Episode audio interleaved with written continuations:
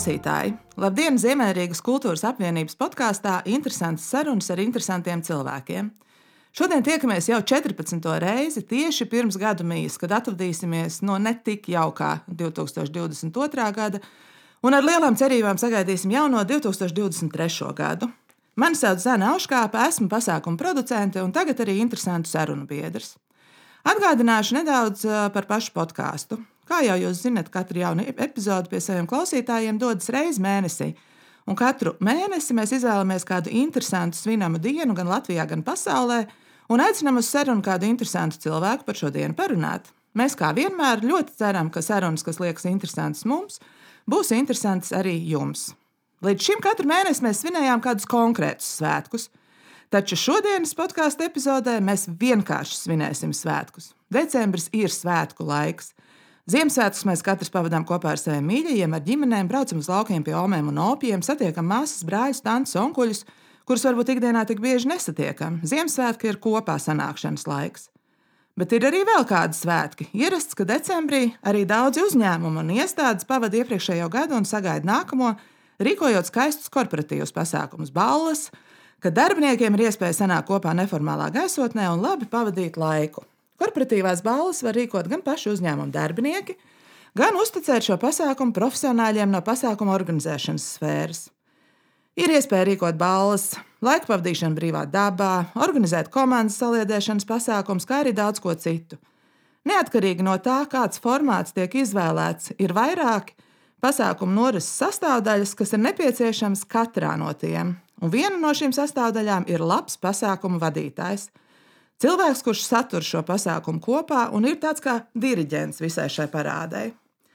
Un šodien mēs tiekamies ar vienu no Latvijas labākajiem un pieprasītākajiem pasākumu vadītājiem, dāmas un kungi. Latvijas Nacionālā teātris aktieris, pasākumu vadītājs ar vairāk kā 20 gadu pieredzi Egils Melbārdis. Čau un liels paldies, ka piekriti šodien būt kopā ar mums un nedaudz pasvinēt. Labdien! Jau ierasts mūsu podkāstam, sāksim ar to, ka pats iepazīstini ar sevi. Kas ir tas, ko tu stāstītu cilvēkam, kurš par tevi neko nezina un nav par tevi neko dzirdējis? Brīnišķīgs jautājums. Tādi ir. A, ja, nu? A, ja, nu. A, ja, nu. Nē, nu, jā, es vairāk kā 20 gadus esmu Latvijas Nacionālajā teātrī aktieris. Es uh, esmu diezgan daudz filmējies. Ir kod, koda vārds Gunārs Liepiņš, Ugunsgrēks. Es nezināju, kāds ir viņa uzvārds. Ah, jā, jo sākumā nemaz nebija uzvārds. Ah, tā? Jā, jā, tas viss radās pakāpeniski, daudzu gadu garumā. Uh, bet uh, Jānis Nārbuls, līdumniekos, tie ir tādi varbūt tādi kodu, kodu vārdi. Nu jā, un, un daudz, daudzus gadus es esmu, tieku, dzir, esmu dzirdams, uh, TV3 un citos televīzijas kanālos, kā filmu un um, raidījumu ierakstu. Tā. Voice-over, jeb kā lai to pasakā, ierunātājs latviešu laikam tā jāsaka. Un, nu jā, tie ir tādi pamati, pamat, un pasākumi, jā, vadītājs. Tā, tā tas ir sanācis, ka no pašiem pirmajiem gadiem jau, jau nokļūstot teātrī, ja šajā sfērā nācās ielausties um, tādu vai citu iemeslu dēļ. Uh, Un tagad tas ir uzņēmis tādus interesantus apgriezienus, jo es pat nevaru iedomāties savu ikdienas dzīvi bez šīs paralēlās otrās pasākuma dzīves. Jā. Un vēl tas ir teicis burvīgam māksliniekam. Un vēl es esmu teicis burvīgam māksliniekam, topošam māksliniekam, jā, kas ir, tas ir tāds pavisam jauns, nu, nosacīti jauns. Nu, jau, jāsaka, kādus trīs, četrus gadus bija skaidrs, jā, ka tas ceļš ir izvēlēts. Šajā virzienā, jā, manam dēlam Gustavam Melbārdim, uh, Es esmu tēvs. Un, un, jā, viņa tā izvēle pēdējos četros gados krasi. Nu, nekrasi viņš lēnām viņš ir doma kursu skolā mācījās. Tad jau apmēram tas virziens bija skaidrs, bet ne kurš katrs izvēlas turpināt to ceļu. Nu, viņš izvēlējās turpināt un ļoti, ļoti konkrēti izvēlējās. Un, un tas izvērtās par manas dzīves jāsaka, lielāko projektu viņa studijas ārzemēs. Jā, viņš studē Londonā šobrīd. Cik tad vēl jānolauž? Vēl jānolauž pusotrs gads ir studijās, un tad jau, nu, tad jau redz to gaismu. Jā, jā, jā, jā, bet nu, tagad arī redz gaismu un ir baigais gandarījums un baigais prieks. Pirms runāsim par šīs dienas podkāstu tēmu, mm, gribētos drusku par pirmsākumiem. No kurienes tu nāc? Varbūt kādas ir tavas spilgtākās bērnības atmiņas? Es esmu absolūts rīznieks, pilnīgs un galīgs. nevaru teikt, pamāt ar roku un, un sasveicināties ar sava, sava rajona visiem iedzīvotājiem, jeb savu ciemu visiem iedzīvotājiem. Es esmu rīznieks no dzimšanas, mācījos savulaik 50. vidusskolā. Smalkajā. Smalkajā, tolaik ļoti, ļoti smalkajā, tagad droši vien ne mazāk smalkajā. Um, jā, tagad, manuprāt, Centra humanitārā ģimnāzija, tā arī tagad saucās. Tur tie nosaukumi mainās un mainās. Katrā ziņā tā bija angļu novirzienu skola, kur no pirmās klases mācījos angļu valodu. Līdz ar to tas man ir dīvainā veidā, tas man ir visu laiku bijis līdzās, un es to esmu varējis izmantot gan pasākumu vadīšanā, gan arī zin, es tagad nodarbojos arī ar tulkošanu. Un tas ir vēl viens tāds blakus darbs. Jā, Bet nu, tālāk mans ceļš aizveda pēc 9. klases, ātri, ātri protesta vecums, un, un tā tālāk bija jādodas prom no skolas. Es izlēmu, ka nu, man pietiek vienreiz. Es devos mācīties uz tirdzniecības tehnikumu, ekonomiku, pilnīgi absolūti citu jomu, absolūti un pilnīgi un viss mācījos statistikas, grāmatvedības, biznesa, angļu valodu. Man paveicās, bija tāds īpašs kurs, kas bija sadarbībā ar biznesa skolu. Vācu projekts, pirmo reizi jauni datori un tā tālāk, un tā joprojām ieguva ražošanas tirgziņa specialitāti, sāk strādāt uzņēmumos, vairākos, pelnīja vairāk nekā mani vecāki to brīdi. Un tad eh, kaut kas notika galvā. Nevis notika galvā, principā, mm, kā teikt, eh, cilvēks plāno Dievs dara, aizgājis kultūras akadēmiju, pamācīties humanitāru, kaut ko it kā, bet nejauši iestājos aktieros, godvārds nejauši tas bija. Man bija pat iespēja bez iestāju eksāmeniem iekļūt ekonomistos to laiku, tāpēc man nebija tāda spiediena īpaša. Es ar savu diplomu varēju tikt bez jebkādiem pārbaudījumiem, tālāk mācīties ekonomiku, bet es izlēmu jā, mazliet pamainīt to dzīvi, un tā tas viss pagriezās pa 360 grādiem, pilnīgi citā virzienā. Tam mēs vēl pieskarsimies, um, bet paliekot nedaudz tajā skolas laikā. Uh, kāds bija tavs aizraušanās tajā laikā? Es zinu, ka tu dejoji tautas dejas. Jā, tas bija um, tā pašā 50. vidusskolā. Bija labā līmenī tautas dēļ kolektīvs, skolas dēļ kolektīvs ķimenīte, kur vadīja Ilona Čimana visus ļoti daudzus, daudzus gadus, lai viņai viegli smilts pagājušo gadu viņa mūs pameta. Bet jā, tas bija, tas bija tāds.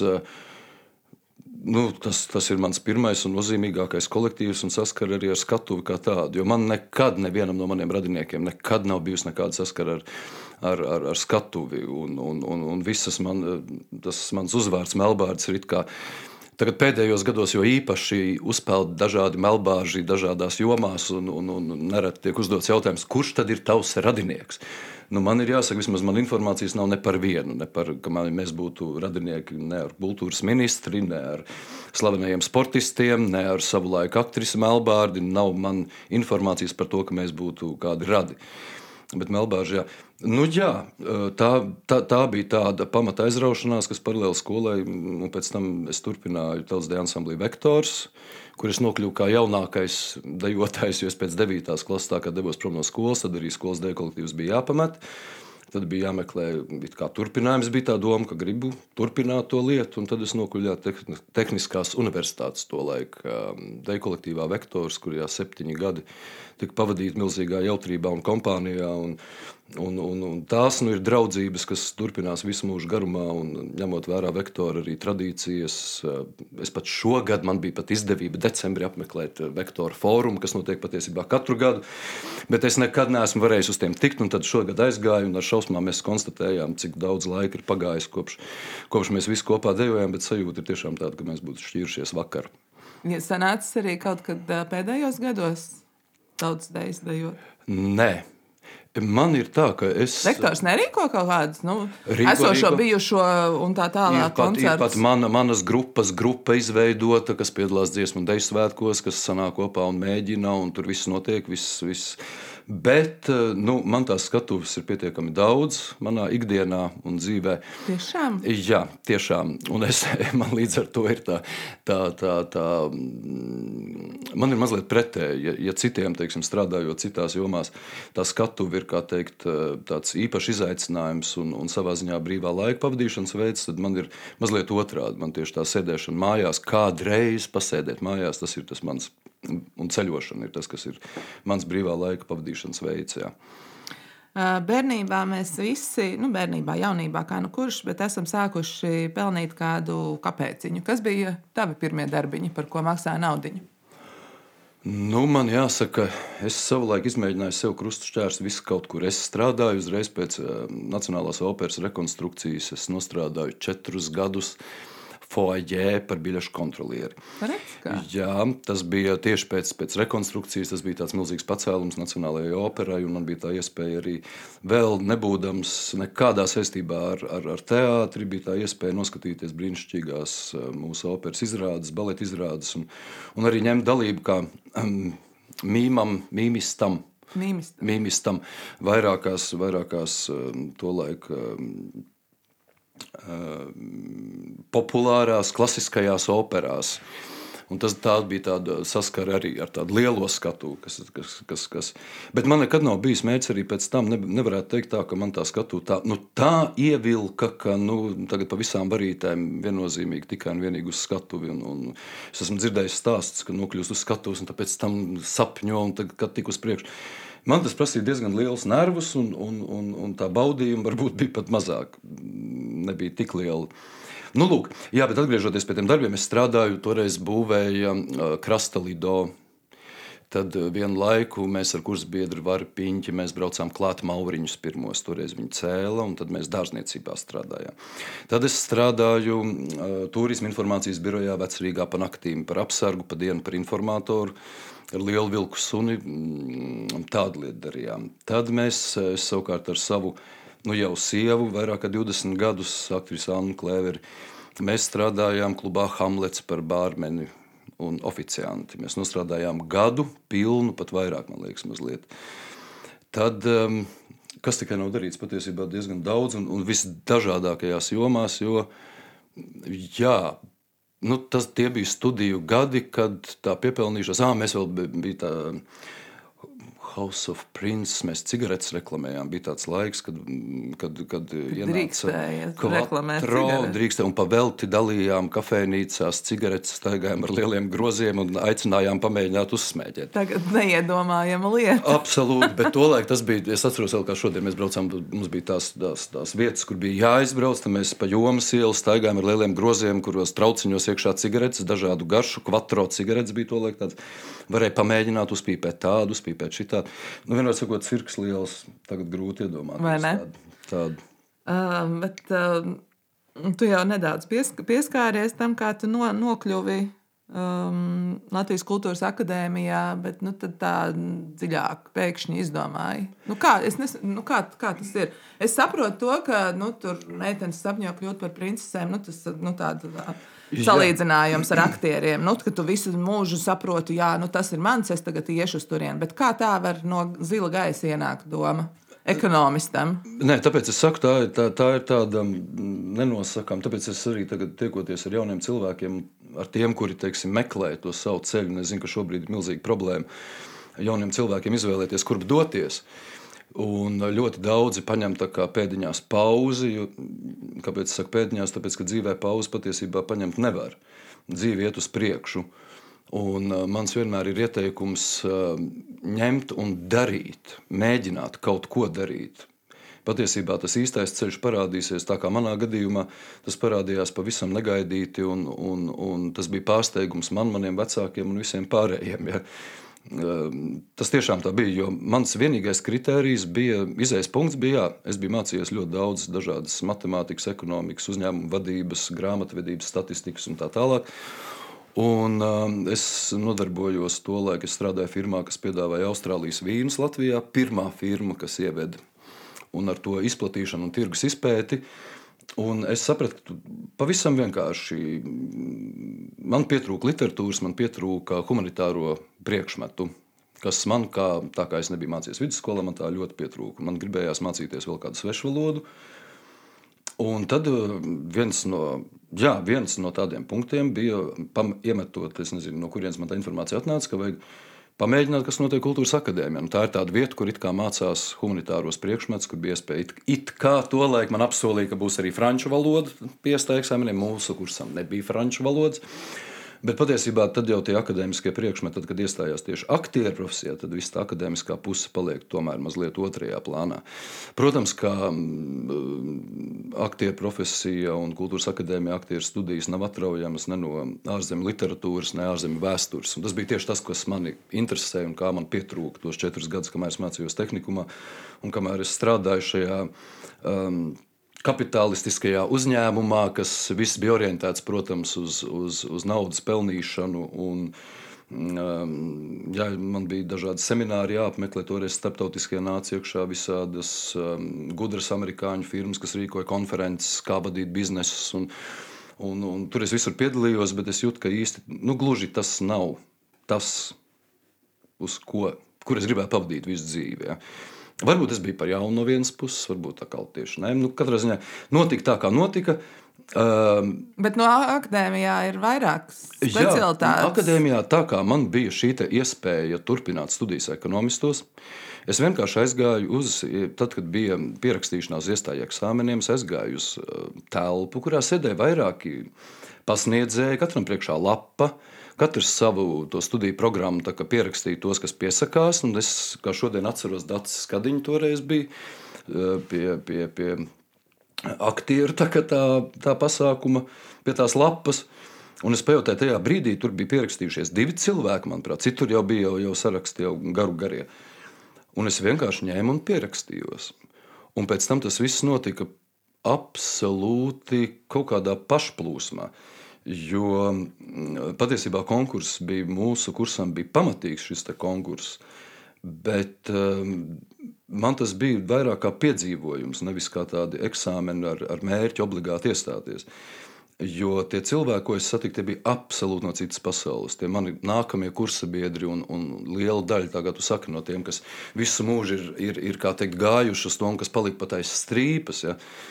Um, tie bija cilvēki, kuri man pavēra pilnīgi citu. Tas bija kaut kas līdzīgs vektoru kolektīvam savā ziņā, tāpēc, ka nāca cilvēki, kuri dziedāja, mēs sēdējām iestāju eksāmenu, es atceros, tas paņem ģitāru, šis paņem ģitāru. Tas bija tas, tas ko es gribēju prasīt, taču aktieriem ir diezgan nopietni tie iestāju eksāmeni trīs kārtās, etīdes, dziesmas, dējas un tā tālāk. Kas tik un dzēja un, un, un, un šis un tas, un, un, un es katru dienu, tur bija tā, ka pēc katras dienas bija laikam viena diena bija pauze, jeb, jeb kaut, kaut kā tam līdzīga.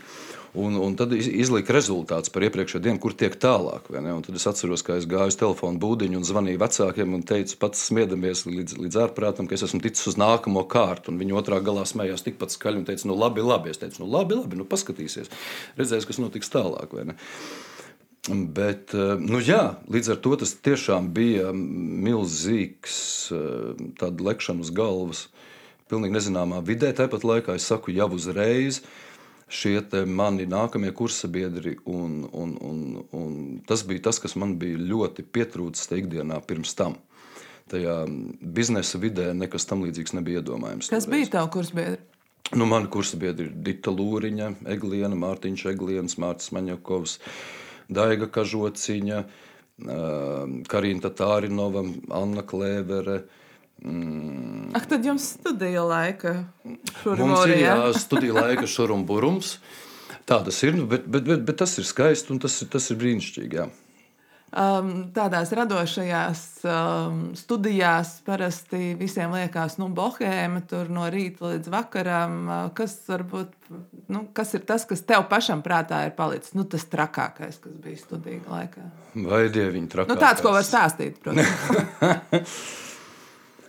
Nē, nu, um, es nezinu, godīgi sakot, kā ir tagad. Man ir ļoti grūti pateikt. Tolaik, um, nu, teiksim, ja runa ir par bohēmu, tad uh, bohēmu no tām studijām atdalīt praktiski nebija iespējams. Tas nu, nu, bija tādi mm, svētki vairāku gadu garumā. Ja tā. Tāpat laikā ļoti smaga darba gadi.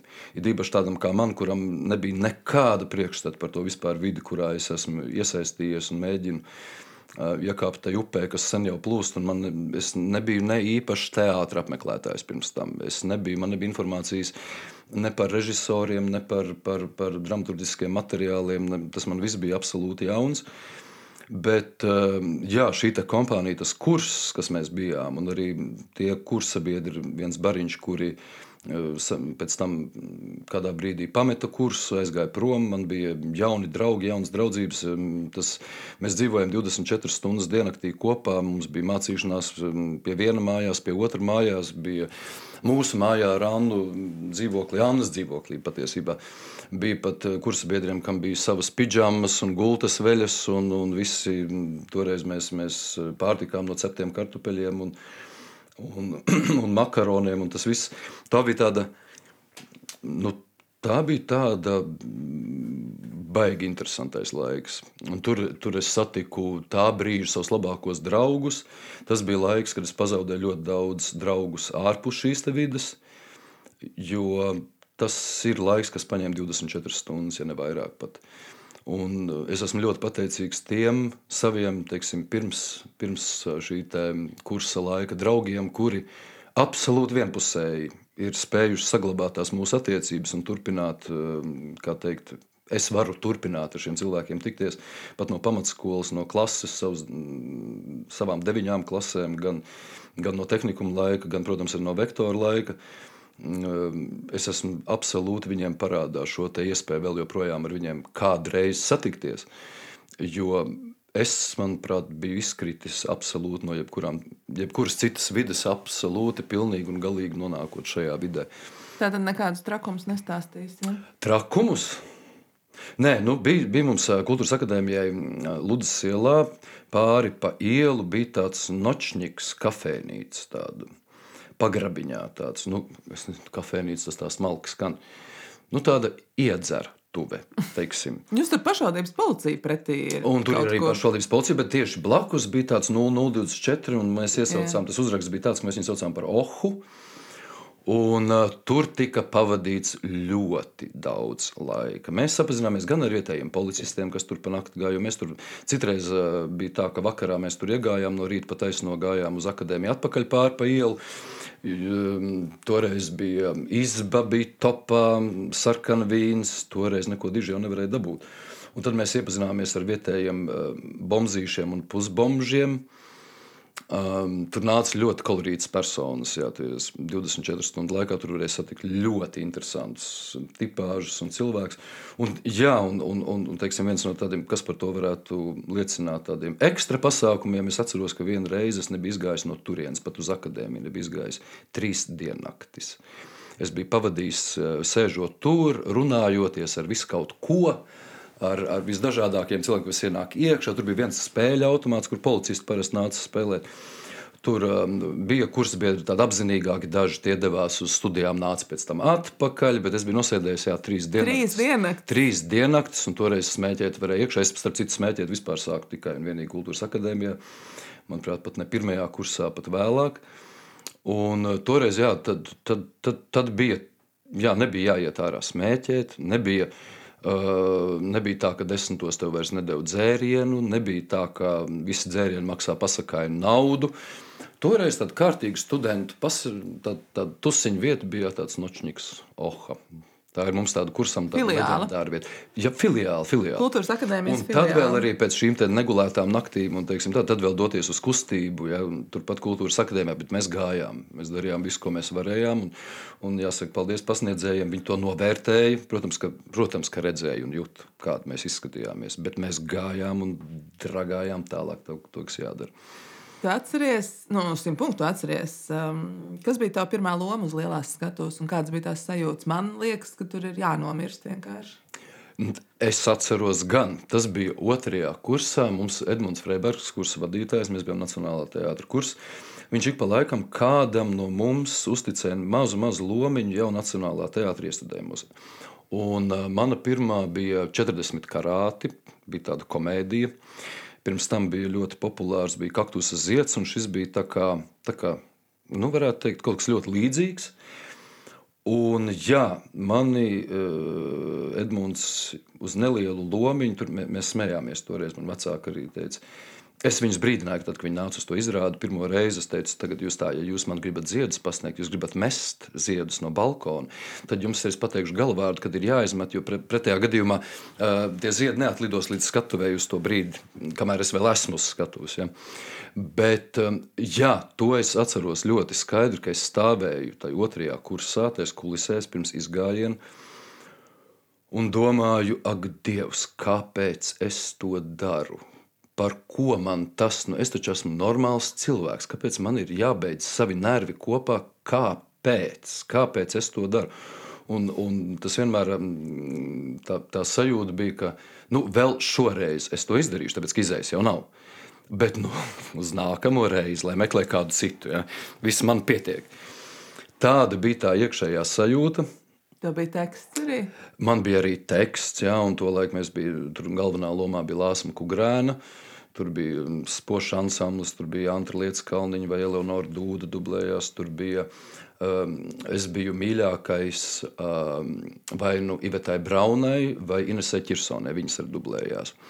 Tur bija Normons Bērs spēlējuši izrādē, Valdemārs Šoriņš, Uldis Dumpis. Um, tur tas, tā buķeta bija brīnišķīga. Un tas bija ļoti, tā bija tāda klasiska, klasiska salona komēdija un uh, Es atceros, ka es, um, teiksim, ja man bija kādas divas, trīs ainas visu iestudējumu laikā, tad es šo iestudējumu skatījos no pirmās ainas līdz pēdējai katru reizi. Un laikam jau tā publikas reakcija uz, uz, uz manu tagadējo un bijušo kolēģu darbu bija tas, kas Šobrīd arī publika smējās, reaģē, bet toreiz kaut kā es ļoti pieļauju, ka tas bija tieši šī iemesla dēļ, ka es ne, nekāds dižais teātris gājējs pirms tam nebija bijis. Tas ārkārtīgi fascinēja, ka cilvēki var izrādes vidū aplaudēt, ka viņi var smieties tā, ka ir jāiet tur pauzes. Um, tas, un, protams, arī nenoliedzami tas, ko darīja mani kolēģi uz skatuves. Tas katru reizi tā bija milzīga pieredze, un es esmu ļoti pateicīgs Edmundam Freibergam. Uh, ka bija tā iespēja pavērot tiešām ilglaicīgi jau nevis kā skatītājam, bet jau kā dalībniekam redzēt, ko nozīmē aktieru profesija, ko nozīmē katra izrāde citādi, ko nozīmē, kā var aktieri publiku teikt, paņemt sev līdzi, kādiem veidiem, cik dažādi. Jā, tā bija unikāla pieredze. Tas ir tas, ko man vecāki teiksim, vēl šobrīd mans tēvs, es domāju, mēs esam kādreiz par to runājuši. Kā tas ir? Kā, nu kā tu atnāc, kā skatītājs, noskaties vienu izrādi, tev rodas savs priekšstats, izdara savus secinājumus, tu atpūties, vai nokritizē, vai izbaudi un ej mājās un dzīvo tālāk. Bet tas, ka šī izrāde tiek spēlēta 60 reizes, ja, to cilvēki, kuri nav teātris iekšpusē, To, lai cik ļoti to gribētu, to ir ļoti grūti saprast. Es esmu sapratis.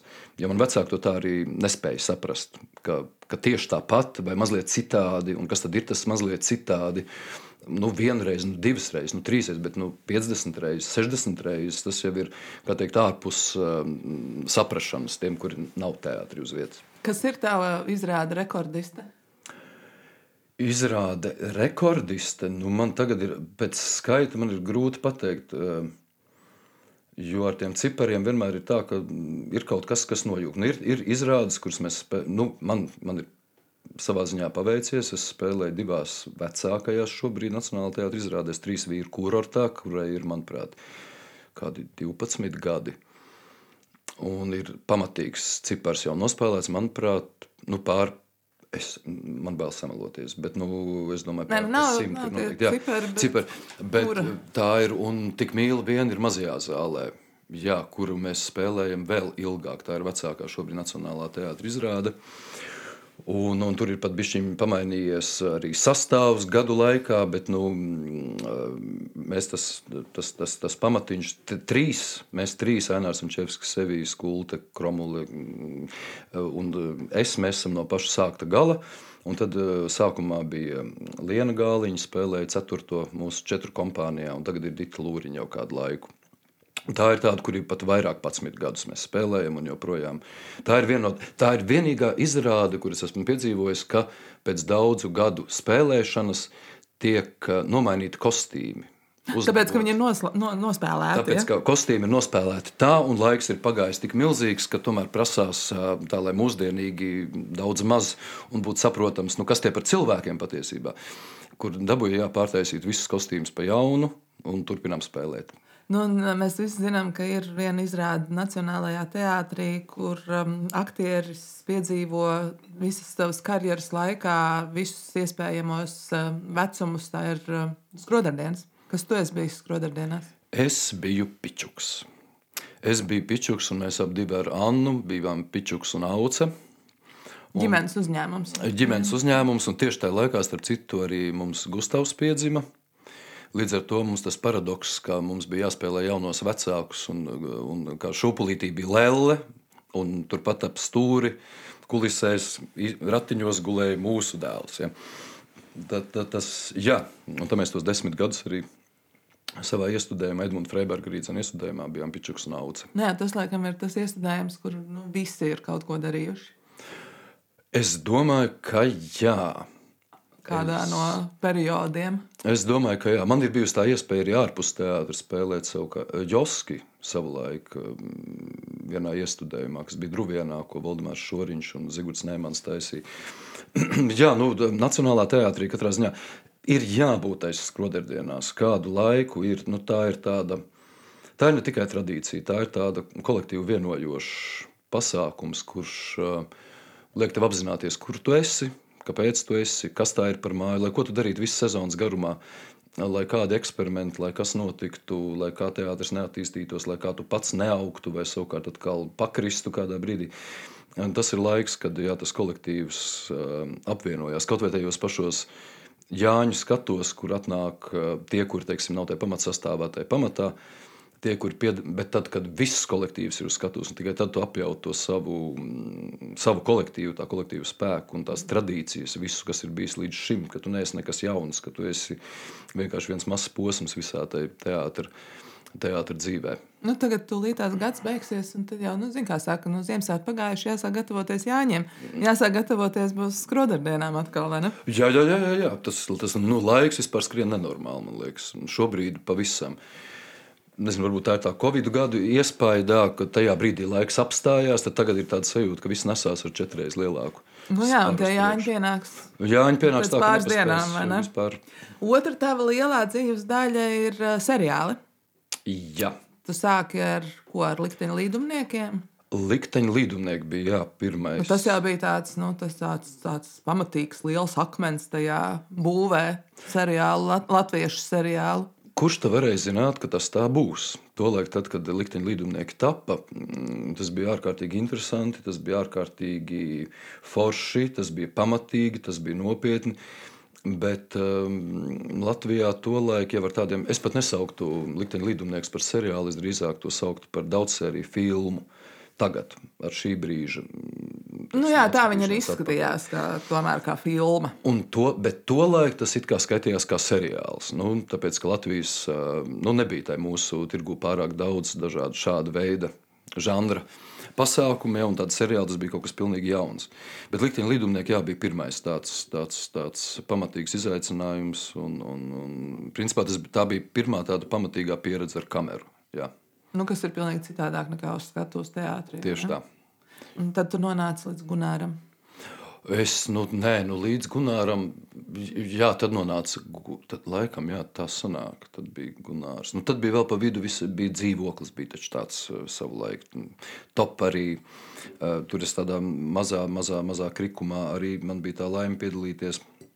Uh, bet, jā, tālāk tie, nu, jā, seriāli uzņēma apgriezienus vēl pirms kino pamodās, teikt, nu, jau varētu teikt, ka Latvijā arī kino tomēr ir pamodies. Nu, bet Gunārs ir tā tāda stabila vērtība tavā dzīvē.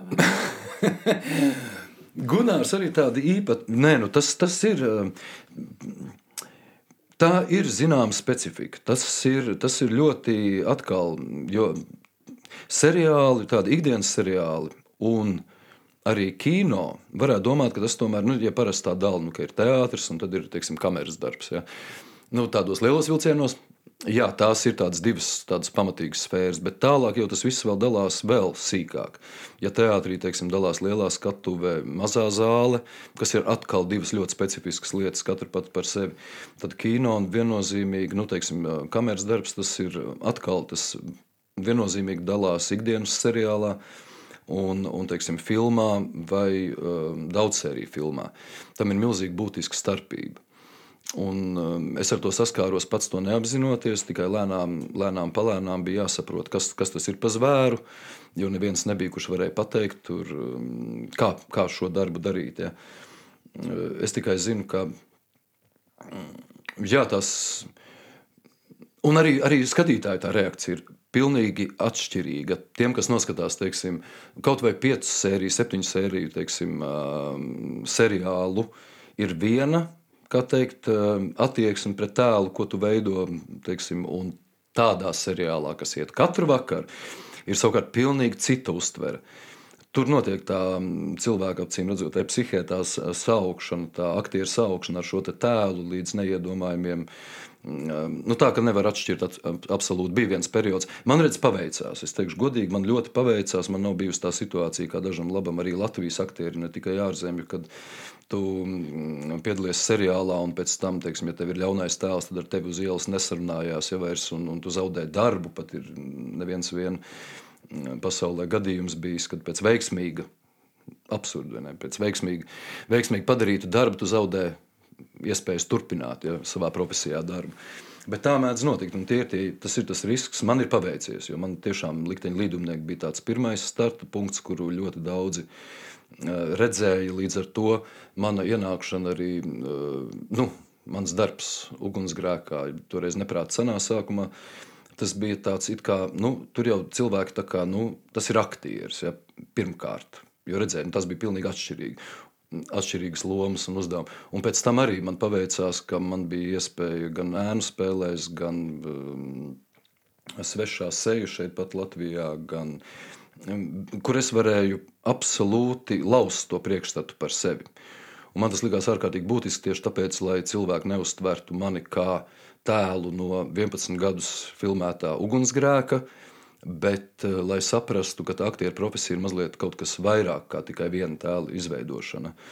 Un man tas likās ļoti būtiski, man ļoti paveicās, ka man bija šie piedāvājumi. Es tiešām varēju laust to priekšstatu, un es ar lielāko prieku um, klausījos skatītājos un, un, un cilvēkos, kuriem teica, ka Dievs, cik tu esi briesmīgs, ēnu spēlēs trīs. Tas ir vienkārši nenormāli. Tas ir, tu taču esi psiks, tu taču neesi normāls. Es domāju, paldies Dievam, paldies Dievam, jo tas bija pilnīgi pretējs tam, ko ļoti daudz teica par ugunsgrēku, par neprātu cenas Gunārdu, vai cik viņš ir jauks, vienmēr jautrs, vienmēr tāds un tāds. Man liekas ļoti būtiski, jā, ka es caur savu darbu tomēr varu cilvēkiem parādīt mazliet no tās profesijas. Jo, jo ļoti ātri cilvēki pieņem, ka tu esi tas, kuru redz ekrānā. Bet vai nav bijis tā sāpīgi vai uh, krieviski ir tas vārds abīdna? Es teikšu, nevar izdomāt latviešu. Uh, ka, nu, piemēram, nu, tu esi teātrī uztaisījis nu, kaut kādu savu nu, dzīves lomu, nopietnu, lielu. Un tu aizēji uz veikalu, un tev saka, ah, reku gunārs. Nu, tev tomēr, nu, tas, te, nu, protams, televīzijas um, skatītāja lokus nav salīdzināms ar teātras skatītāja loku. Tā atpazīstamība ir lielāka. Bet, nu, man liekas, nu, man gribētos, lai man vairāk atpazīst pēc tam teātra manām lielajām lomām, nevis pēc gunāra. Ziniet, kā es nevarētu Nē, es absolūti, es, ja runa par to, vai es kaut kādā veidā pārdzīvoju vai analizēju, es nē. Šai ziņā absolūti man nav nekādu. Tāpēc, ka neatkarīgi es, es nedalu teiksim, savā, savā darba dzīvē, ikdienā. Es nedalu tā. Man ir seriāls, tad tur es strādāšu tā, man ir liela loma teātrī, tāpēc es strādāšu tā. Es visur cenšos strādāt pēc labākās sirdsapziņas. Uh, Un tā atdeve, to zina tikai šīs profesijas, es domāju, pārstāvji. Nevienmēr tas ieguldītais darbs, nu, teiksim, ja runa par tādām smagām, nu, tādām mūža lomām, tā kā tu saki, ja, tu nekad nevari zināt, kas izvērtīsies par to tavu mūža lomu un cik tā prasīs. Un, un, un, un es neteiktu, ka ugunsgrēkā šie 11 gadi paralēli mm, teātra repertuāram, mm, filmēšana gan pa naktīm, gan starp izrādēm, mēģinājumiem, starp mēģinājumiem, starp izrādēm, ka tas ir viegls pasākums. Tas tā varētu likties, nu, teiksim, atkal redz, skatoties uz to gala produktu, tāds viegls žanrs, nu, tad aiziet. Un, bet ir, tas ir nenormāls patiesībā darbs. Un, un, un es šeit runāju ne tikai par aktieriem, es runāju par visu radošo komandu, kas strādā praktiski 24 stundas diennaktī gadiem. Un tas ir apbrīnojami, tas ir fenomenāli. Tas ir arī no šī aspekta, jā, viss saka, jā, tas ir leģendārs seriāls Latvijas eh, televīzijā un Latvijas teiksim, eh, tādā mērogā šī ilgie gadi un daudzās sērijas un, un, un lielā popularitāte. Bet tas arī ir fenomenāls darbs mm, caur to ieguldīto darba apjomu un caur to darba grafiku, ko spēja izdarīt šī komanda. Jo sākot no scenāristiem un beidzot ar pašiem režisoriem, ar, ar, ar, ar montāžas režisoriem, ar operatoriem, tas ir Nu, ziniet, nu, sameklējiet vēl kādu, kurš spēj filmēt uh, seriālu, kuram uh, ir zināmas nākamās nedēļas scenārijas. Uh, kā var rakstīt scenāriju tajā brīdī, kad tiek filmēts un jau rādīts? Tas vien, manuprāt, nu, tādam normālam cilvēkam uzdod tādu pamatīgu stresu. Bet viņi, šie cilvēki tika ar to galā un, un, un, un, un vēl milzīgu popularitāti. Jā. Vēl joprojām tiek galā. Un vēl joprojām tiek galā. Jā. Kas ir tas, kas tagad tiek filmēts ar tavu dalību? Es šobrīd, eh, šobrīd es ieturēju pauzi. Es sapratu, ka ir, ir, ir, ir tagad eh, bija, mēs pabeidzām, es pabeidzu trešo sezonu nemīlētajos, filmēties trešajā sezonā. Mans tēls gāja bojā, un pavisam gāja bojā. Uz neatgriešanos. Uz neatgriešanos gāja bojā. Un... Jā, tā ir tā seriāla specifika, vai ne? Ja tev ir nenogalina, nenošauj, nenodur kadrā, tad ir ļoti liela iespējamība, ka tu atgriezīsies. Tātad tevi kadrā piebeidza. Kadrā piebeidza un vēl parādīja, ka es esmu piebeigts. Pavisam, nu, tā, ka, tā, ka nav vispār nekāda, nekāda iespēja pateikt, ka ne, viņš atdzīvojās pēc piecām minūtēm, ja tas tikai tā vai šitā. Jā, un tas bija pavisam vasaras pats sākums, kad uh, es, es pieliku punktu šim seriālam un vasaru pavadīju, jā, šie, šajā ugunsgrēka jubilejas sezonas filmēšanā. Tur praktiski šeit gan bija tas gadījums, pirmo reizi, kad ugunsgrēku filmējām um, divus mēnešus pēc kārtas, veselu sezonu. Nu, nebija tas variants, kad, kad šodien filmējam, jau un pēc divām nedēļām jau ir ēters, iet gaisā. Nu, šeit, šeit, šeit bija tā maz, mazliet citādi. Nu, lūk, tad, arī, tā, tad arī vasara pagāja šai zīmē. Un, um, tā kā teātrī arī ir diezgan daudz ko darīt, lai neteiktu vairāk. Izrādās, ka es biju pagājušā sezonas noslogotākais aktieris. Man liekas, tas ir ne pirmā sezona. Nu, es teikšu tā, viena lieta ir, ka tu esi noslogots ņemot dalību dažādos iestudējumos. Bet cita lieta ir, kad nu, tiešām pagājušo sezonu tās, tās, tās, tās lomas prasīja ļoti daudz, un arī pārslēgšanās no, no teiksim, man Es tagad nezinu, bija viens, viena mēneša laikā, bija vēl pēc Covid jāatmēģina. Man bija septiņas vai deviņas lomas dažādos spēles laukumos, un tad šī pārslēgšanās no lielās zāles uz mazo zāli, no mazās uz lielo zāli, no rīta uz vakaru, no vakara uz rītu. Un kad um, nu, Tas, tas nebija vienkārši pasākums. Un līdz ar to liekas, ka nu, pagājušo sezonu nodarbinātākais aktieris, nu, tad šo sezonu tad jau nu, teātris ir tā specifika, ka tas jau turpinās. Un šīs izrādes ar sezonas beigu, beigām, cerams, lielākoties. Eh, teiksim, sezonas beigas eh, nepieliek punktu ar iestudējumiem. Tie tomēr turpinās iet uz priekšu. Tāpat ir. Nāk jau arī jauni. Un nāk vēl jauni klāt. Un, un, un, un, tā, un tad es sapratu, jā, ka šī te, un, un, un milzīgu darbu prasa plānošana. Teiksim, teātra, aktiera dalība kādā seriālā vai arī, arī tajā pašā filmā. Tā prasa nenormālu plānošanu. Un tā kā Latvijā tomēr nav mums tā aģentu sistēma, un tā kā Latvijā mums ir repertuāra teātris, un tā kā Latvijā mums ir līdzekļi e, filmēšanai, tik cik viņi ir, un tie termiņi ir tādi, kādi viņi ir, tad tas ir um, ļoti sarežģīts, smags, um, haotisks um, darbs. Kas nereti mēdz nogurdināt vairāk nekā tas tieši process. Darb, tas process jā.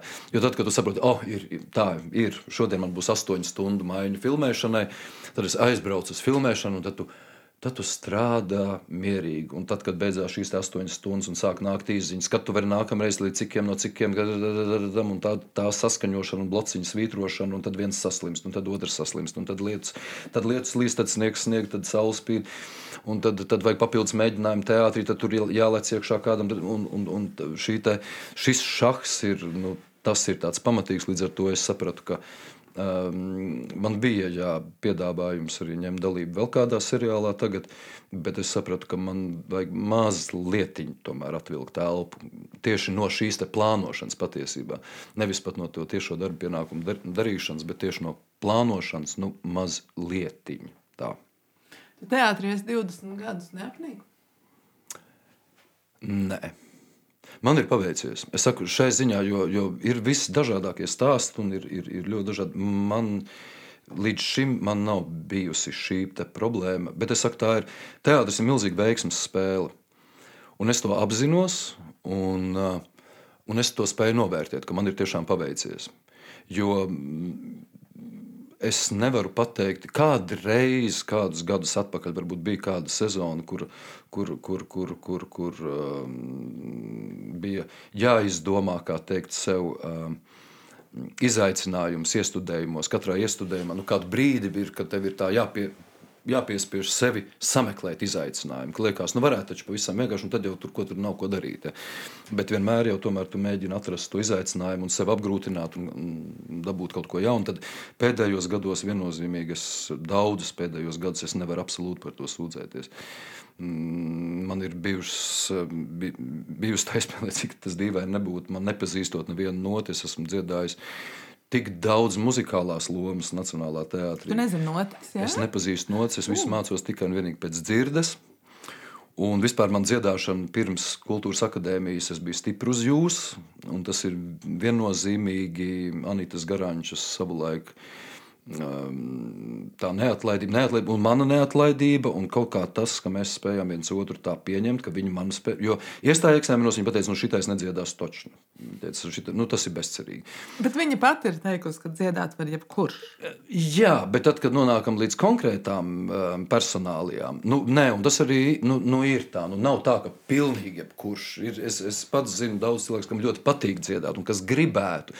Bet, nu, nu, kaut kā nesanāk. Nē, nu, nu, tur visam ir jābūt skolai apakšā.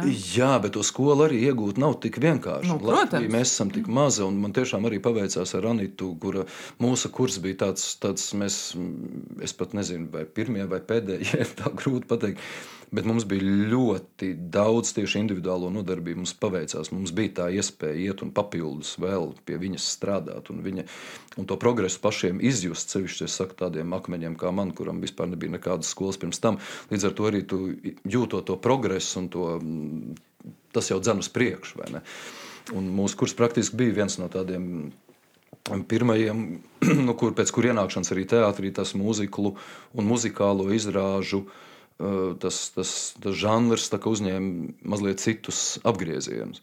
Tas bija laiks, kad tieši parādījās, bija kaupēns liepājā, parādījās pirmie, pirmie, pirmie mūzikli un, un saprata vienkārši apstākļu sakritību. Tas bija jā, brīdis, kad, kad, kad Jānis Lusēns rakstīja, sāka rakstīt muzikālos ar Māru Zālīti. Tad, tas bija laiks, kad, protams, ja būtu Rīgā, Latvijā būtu operetes teātris, tad arī būtu citādi. Ja? Nu šeit šis bija kaut kāda dažāda apstākļu sakritības dēļ. Tas bija brīdis, kad dramatiskajā teātrī jā, ienāca muzikālais teātris tādos lielos formātos. Nu, tu jau mums esi tādā ziņā, tāds, tādos augstos plauktos adaptēts, taču dublējies ar Donu. Bija tāda lieta, jā. Tā tad līdzvērtīgi mākslinieki. Nu, es gan teiktu, ka toreiz, nē, nē, nu, es, es, es, Es vienmēr uzskatu, ka nu, gan aktieru profesija, gan dziedātāja profesija tās ir profesijas.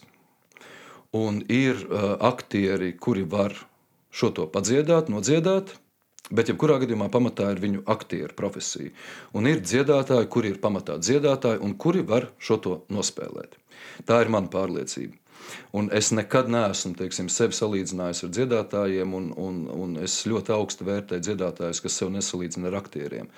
Jo um, tāpat kā dziedātājs spēja nodziedāt nevis vienu lomu, nevis vienu dziesmu, bet daudzas dziesmas un pat dažādos žanros nereti.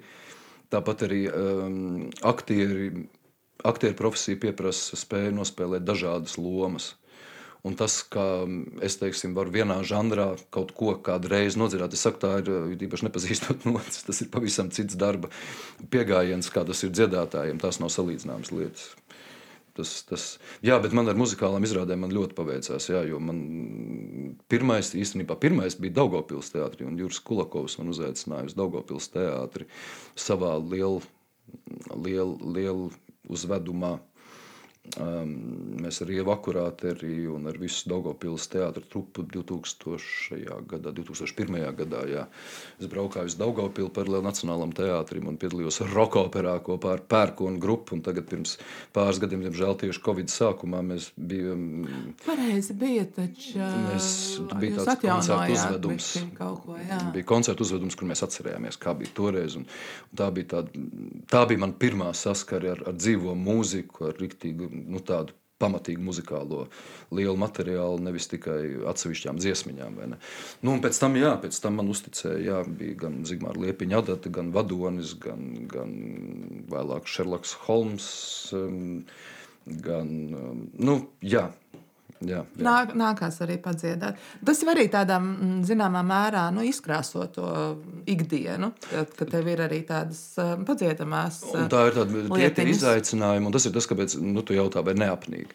Nu, kā var apnikt, ja katru reizi, katru reizi ir jāsāk cits. Mm, cits un ir atkal jauns izaicinājums. Un atkal mazliet cits tagad maestro Raimonda Paula pēdējais, man 30 gadu, kur, kur, kur un, un katrai ir sava specifika, arī dziedāšanas maniera, katrai lomai, kad ir nerunājot, teiksim, par par kaut kādu diapazonu, balss un, un, un tā tālāk. Nu, teiksim, 30 gadi tas bija vairāk uz džēza pusi mums um, bija brīnišķīga iespēja satikties ar, ar Ingu Bērziņu, kas nāca mums uh, šo teikt, žanru mazliet iepilināt un parādīt, uz ko vajadzētu tiekties teiksim, šai konkrētā iestudējumā. Ja, nu, teiksim, adatu nevar salīdzināt ar, ar man 30 gadiem, tas ir atkal pilnīgi no, kaut kas žanrs, cits, jā. cits žanrs, cita, cita maniera.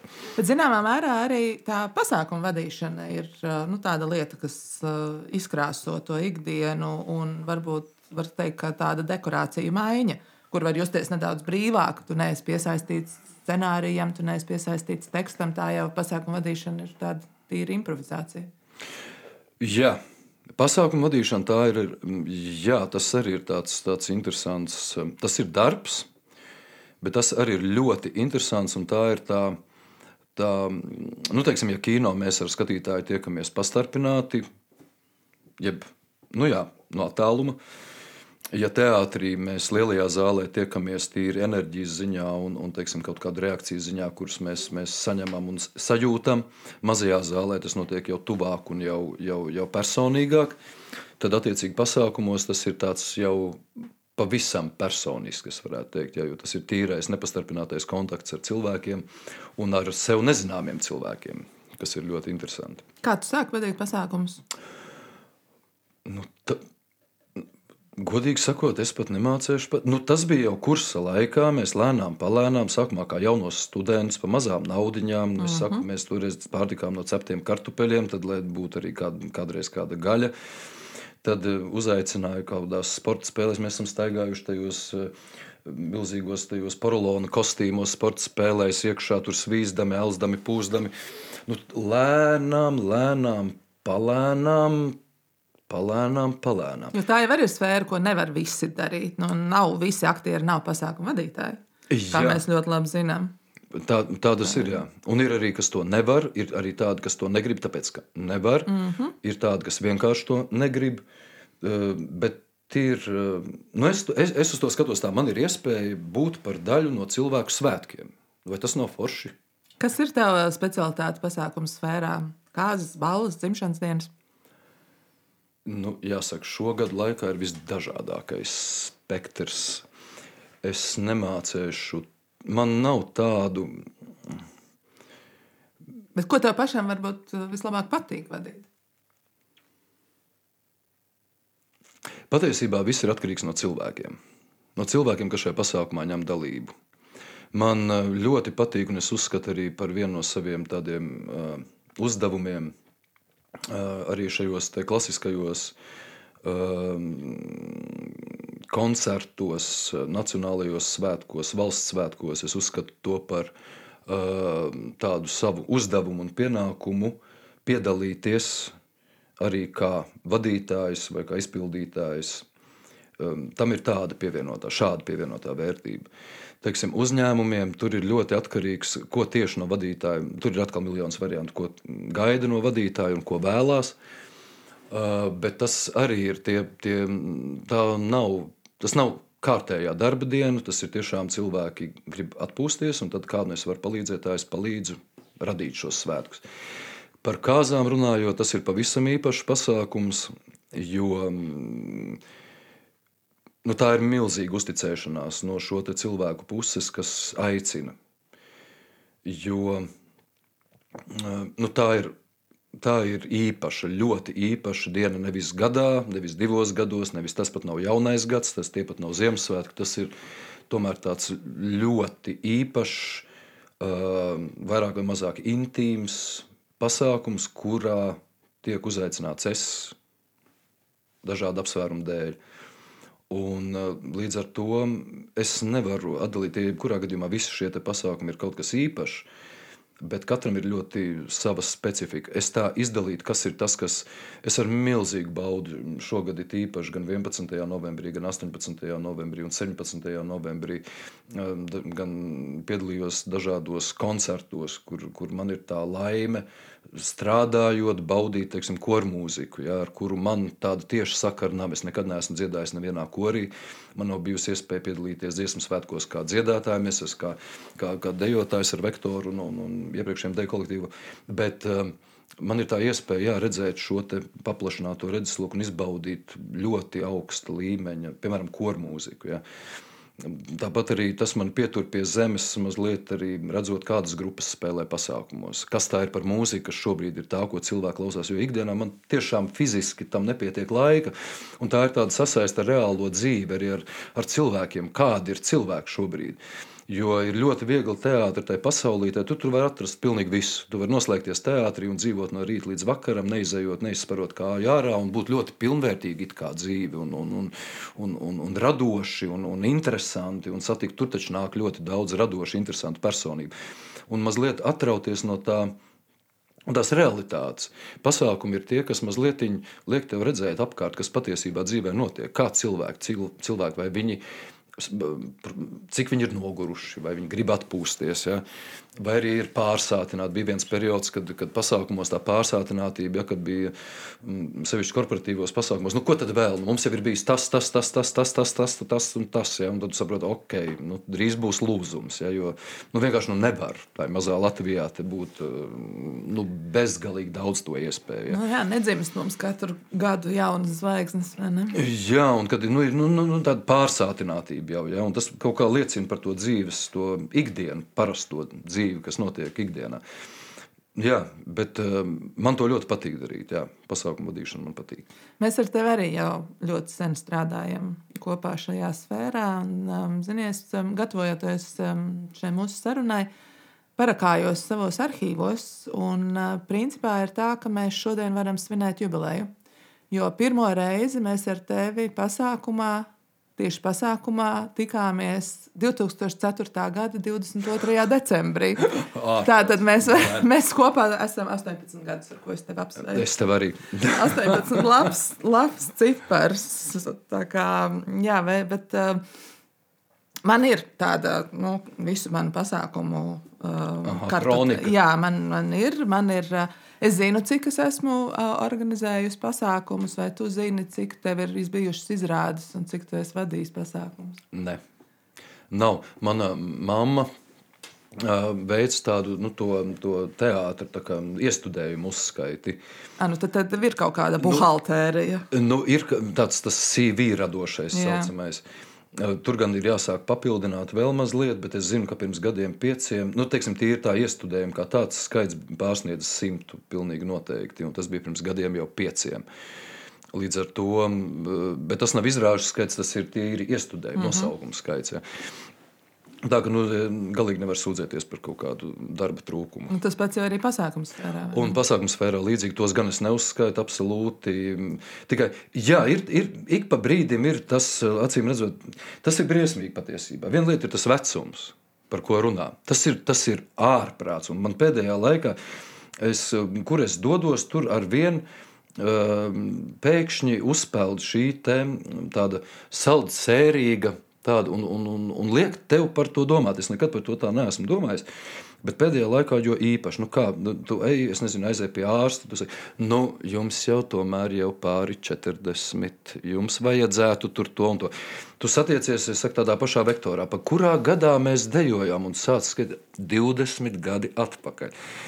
Tad nu, jau 30, principā, no brīža, kad iestājies. 30 gadi. Tu, kur, kur tu, saku, tā kā tu saki, tagad nu, jau mēs 18, 18 gadus.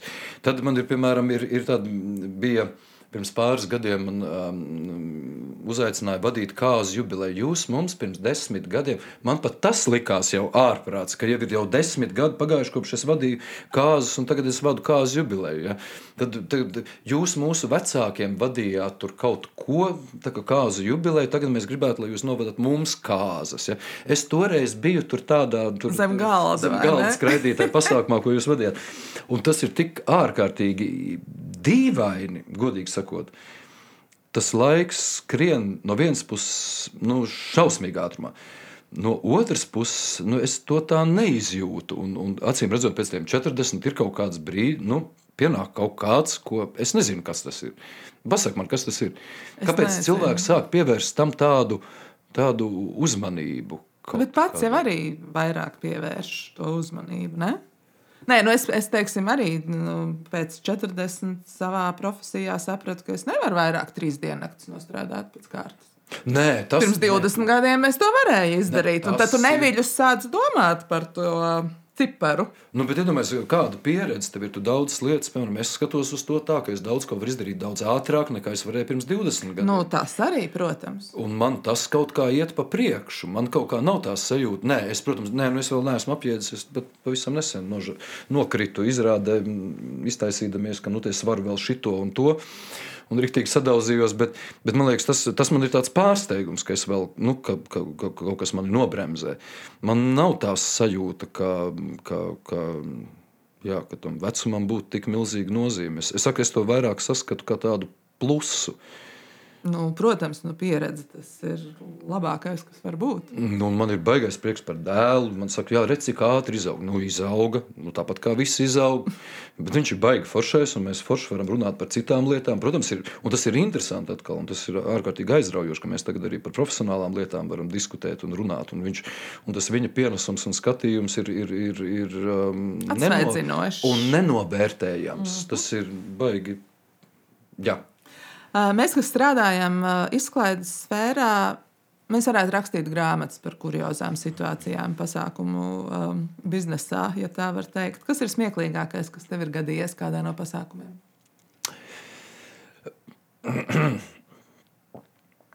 Nu, teiksim tā, viena lieta attiecībā par kāzām, ja mēs runājam par kāzām. Es, kāzas pārsvarā, protams, notiek vasaras periodā, un nereti ir ļoti karsts laiks. Un nereti tradicionāli jaunam pārim līdz mašīnā ir kāda šampaniešu pudele, ko jauki varētu padzerties pa ceļam un jau sākt svinēt, neapjaušot, ka tā diena ir diezgan gara. Un visbiežāk, ātrāk par pusnakti, jeb vienam naktī jau nu pilnīgi noteikti jaunais pāris gulēt nedodas. Un tad mans viens klasisks piemērs kopš vienām kāzām, pirms vairākiem nu jau gadiem, ir aicinājums jaunam pārim ļoti izvērtēt šo situāciju visas dienas garumā, Vai nu šī glāze šampanieša, kas varētu būt arī plus 30 grādos, un vēl emocionālais satraukums, viss pārējais, vai nu tā ir tik nepieciešama, lai no tās nevarētu atturēties līdz tai pulksten vieniem, pusdiviem. Nu, labi, vienu glāzi tur vakariņu laikā tas atkal citādi, bet principā, jo man bija lai kā es centos vadīt un organizēt visu pēc labākās izpratnes, ah, nu es vadu arī redz, trīs valodās. Gan krievu, gan angļu, gan latviešu. Gan ne tikai krievu, bet es, esmu, es vadu gan tikai angļu, gan latviešu, gan latviešu angļu, angļu krievu, krievu latviešu angļu, var sakot šādas kombinācijas. Un, jā, man bija kāzas, kur um, līgava bija izdzērusi vairāk par, es pieļauju, tām divām glāzēm. Un uz mičošanu tas bija episki. Es tāpēc, es tāpēc visiem jaunajiem pāriem iesaku, arī tur, kur es nepiedalos kā vadītājs vai vispār nepiedalos, es iesaku to ļoti apsvērt, jo tas nebija, tas nebija apzināti. Nu, Līgava devās uz, uz mičošanas vietu ar kleitu slaukot pilnīgi visas sveces, viņa bija jātur, viņa bija jāved, un tad bija šausmīgi histēriska dāvana dalīšana, kliedzoša, raudoša, smejoša, tas bija milzīgs emociju izvirdums, kas tas, tas, tas bija ārpus laba un ļauna. Un tā, un, un tu neko kā vakar vadītājs nevar izdarīt. Neko. Jā, es kā, kā organizators kategoriski aizliedzu limuzīnā vai mašīnā ņemt līdzi alkoholu, arī pamatojoties uz dažādām ne manām, bet manu kolēģu pieredzēm. Un arī uh, viens mūsu kopējs kolēģis, pasākuma vadītājs, um, man stāstīja. Un, uh, kopš tā laika es vēl jau vairāk pie tā palieku, kā šis pats variants - limuzīns, eh, šampanietis eh, no baznīcas vai no dzimtsarakstu vietas ir tas mazais ceļojums, tā saucamais jaunā pāra. Un, uh, ierodoties pasākuma norises vietā, uh, līga no limuzīna izveļās. nu, lūk. un arī šis pasākuma vadītājs saka, un es tagad nesaprotu, ko man tagad darīt. Nu, tas ir skaidrs, ka nu, nav, nebūs. Nē, nē, tas, tas, tas ir briesmīgi. Tāpat arī tā mūsu, nevis mūsu, bet ne, nu arī mūsu, arī latviešu tradīcija par līgavu zakšanu, kas ir pilnīgi nu, neparedzējams pasākums. Absolūti aizliedzams ar likumu. Jā, jā principā. Var beigties. Bet par, par korporatīviem pasākumiem man tomēr sajūsmina arī uh, šefu dažreiz iznācieni. Jo tas ir, es neminēšu, protams, ne, ne, ne šo uzņēmumu, nekā man bija pasākums uh, pludmalē nu, kāpu zonā, nu, pirms kāpu zonas, teiksim tā. Ja kur bija milzīgs pasākums, visi darbinieki un ēdināšana, un saceltas teltis. Un, un, un tur bija pat eh, kā, mm, atvesti kamieļi, ar kuriem varētu gar jūru braukt. Un viņi bija tikko piebraukuši, un tas konteiners, nu, tā kasta, ar ko ved vai ne. Un, un, skatuve, uz kuras visas dienas garumā spēlē grupas un, un labas grupas. Un, ar visu. Um, un um, priekšnieks izdomāja, bija nolēmis nolaisties ar helikopteru šai centrālajā laukumiņā starp smiltīm. Un starp ēdinātājiem, un pie skatuves, un pie kamieļiem būrītī. Un, ja jau viņš bija tā nolēmis, tad viņš tā arī izdarīja. Un viņš laidās lejā, un tad viņš bija izdomājis, ka viņš pavizinās vēl savus dažus draugus, ka viņš pacelsies vēl gaisā un nolaidīsies atkal pēc brīža. Un tad, principā, bija smiltīs, bija viss, kas vien var būt. Tā panika, tā līdzinājās viesuļvētras atnākšanai Latvijā. Es kaut ko tādu nebiju redzējis. Jo visas teltis gāzās, visi ēdieni ar smiltīm, skatuvi turēja rokām atspērdamies. Kamieļi nenāca laukā, tie bija pārbijušies zaļlilā. Lūk, bet šefs ļoti teikt, efektīvi ieradās un pēc tam vēl pavizināja dažus no saviem kolēģiem. Jā, ir tādi apakaliptiski brīži arī pasākumos. Bet Tāpēc es saku, pasākumā svarīgākais ir tie dalībnieki, to dalībnieki, kā, ko viņi vēlās un kā grib. Un, ja viņi tevi ieklausās, ir īpaši profesionālos cilvēkos, gan nu, tu, tu ļoti labi zini, ka, kurā brīdī vajag tās bremzes pielikt, un kurā brīdī var kaut ko ieteikt, un kur vajag kaut ko papildināt. Tāpēc ir vajadzīgi tie profesionālie cilvēki. Kas kuri, var pateikt, ka nevajag ar helikopteru sēsties? Jā, tāda tā, tā, tā pašsaprotama lieta šķiet mums, ja, bet tomēr ir cilvēki, parastais to neiedomājas, protams. Jā. Un vēl realizē, un vairāk kārtīgi. Un vairāk kārtīgi, un nepietiek ar pirmo reizi. Uh, Gribu tev teikt lielu paldies par to, ka šajā starpsvētku periodā atradi savu dārgo laiku, lai papļāpātu drusciņu par um, lietām, kas mūs abus interesē. Um, vēlreiz jā, par tiem 18, lai mums vēl priekšā vēl 18. Uh, un novēlu tev uh, Daudz, daudz, daudz visu kaut ko jauku piedzīvot teātrī un kino. Mums abiem es novēlu brīnišķīgus pasākumus, mums, kuros mums uh, tikties gan uh, nākamajā, gan uh, pēc tam vēl daudzos tālākajos gados. Un mūsu podkāstu tradīcijas um, ievērojot, es gribu lūgt tev, tavs vēlējums sev un mums visiem sagaidot nākamo 2023. gadu. Mm viennozīmīgi mieru. Šis vārds miers ir ieguvis īpaši šī, šī gada laikā, ir ieguvis uh, pilnīgi jaunu, nevis jaunu, ne viņš ir atjaunojis savu nozīmi un svaru, mieru, saprātu, jo ir ļoti viegli tai informācijas gūzmā apjukt um, un vispār doties kaut kādā virzienā, kas ir um, absolūti greizs. Līdz ar to nepamest uh, savu saprātu novārtā un tomēr pieslēgties lietām, kas ietekmē katru cilvēku katru dienu. Un veiksmi šogad visiem novēlu vienmēr. Veiksmi, veselību un dzīvesprieku. Tās ir, liekas, lietas, kuras, bez kurām nu, ir ļoti grūts tas nākamais gads. Lielas paldies um, par vēlējumiem un par to, ka bija šodien mūsu viesis. Un liels paldies, protams, jums, klausītāji! Mēs tiksimies jau nākamajā gadā, bet līdz tam, kā vienmēr, gaidīsim jūsu atsauksmes un ieteikumus mūsu nākotnes podkāstiem. Varbūt arī jums padomā ir kāds interesants cilvēks, ar kuru mums sanāktu interesanta saruna. Paldies un laimīgi jauno gadu! Paldies!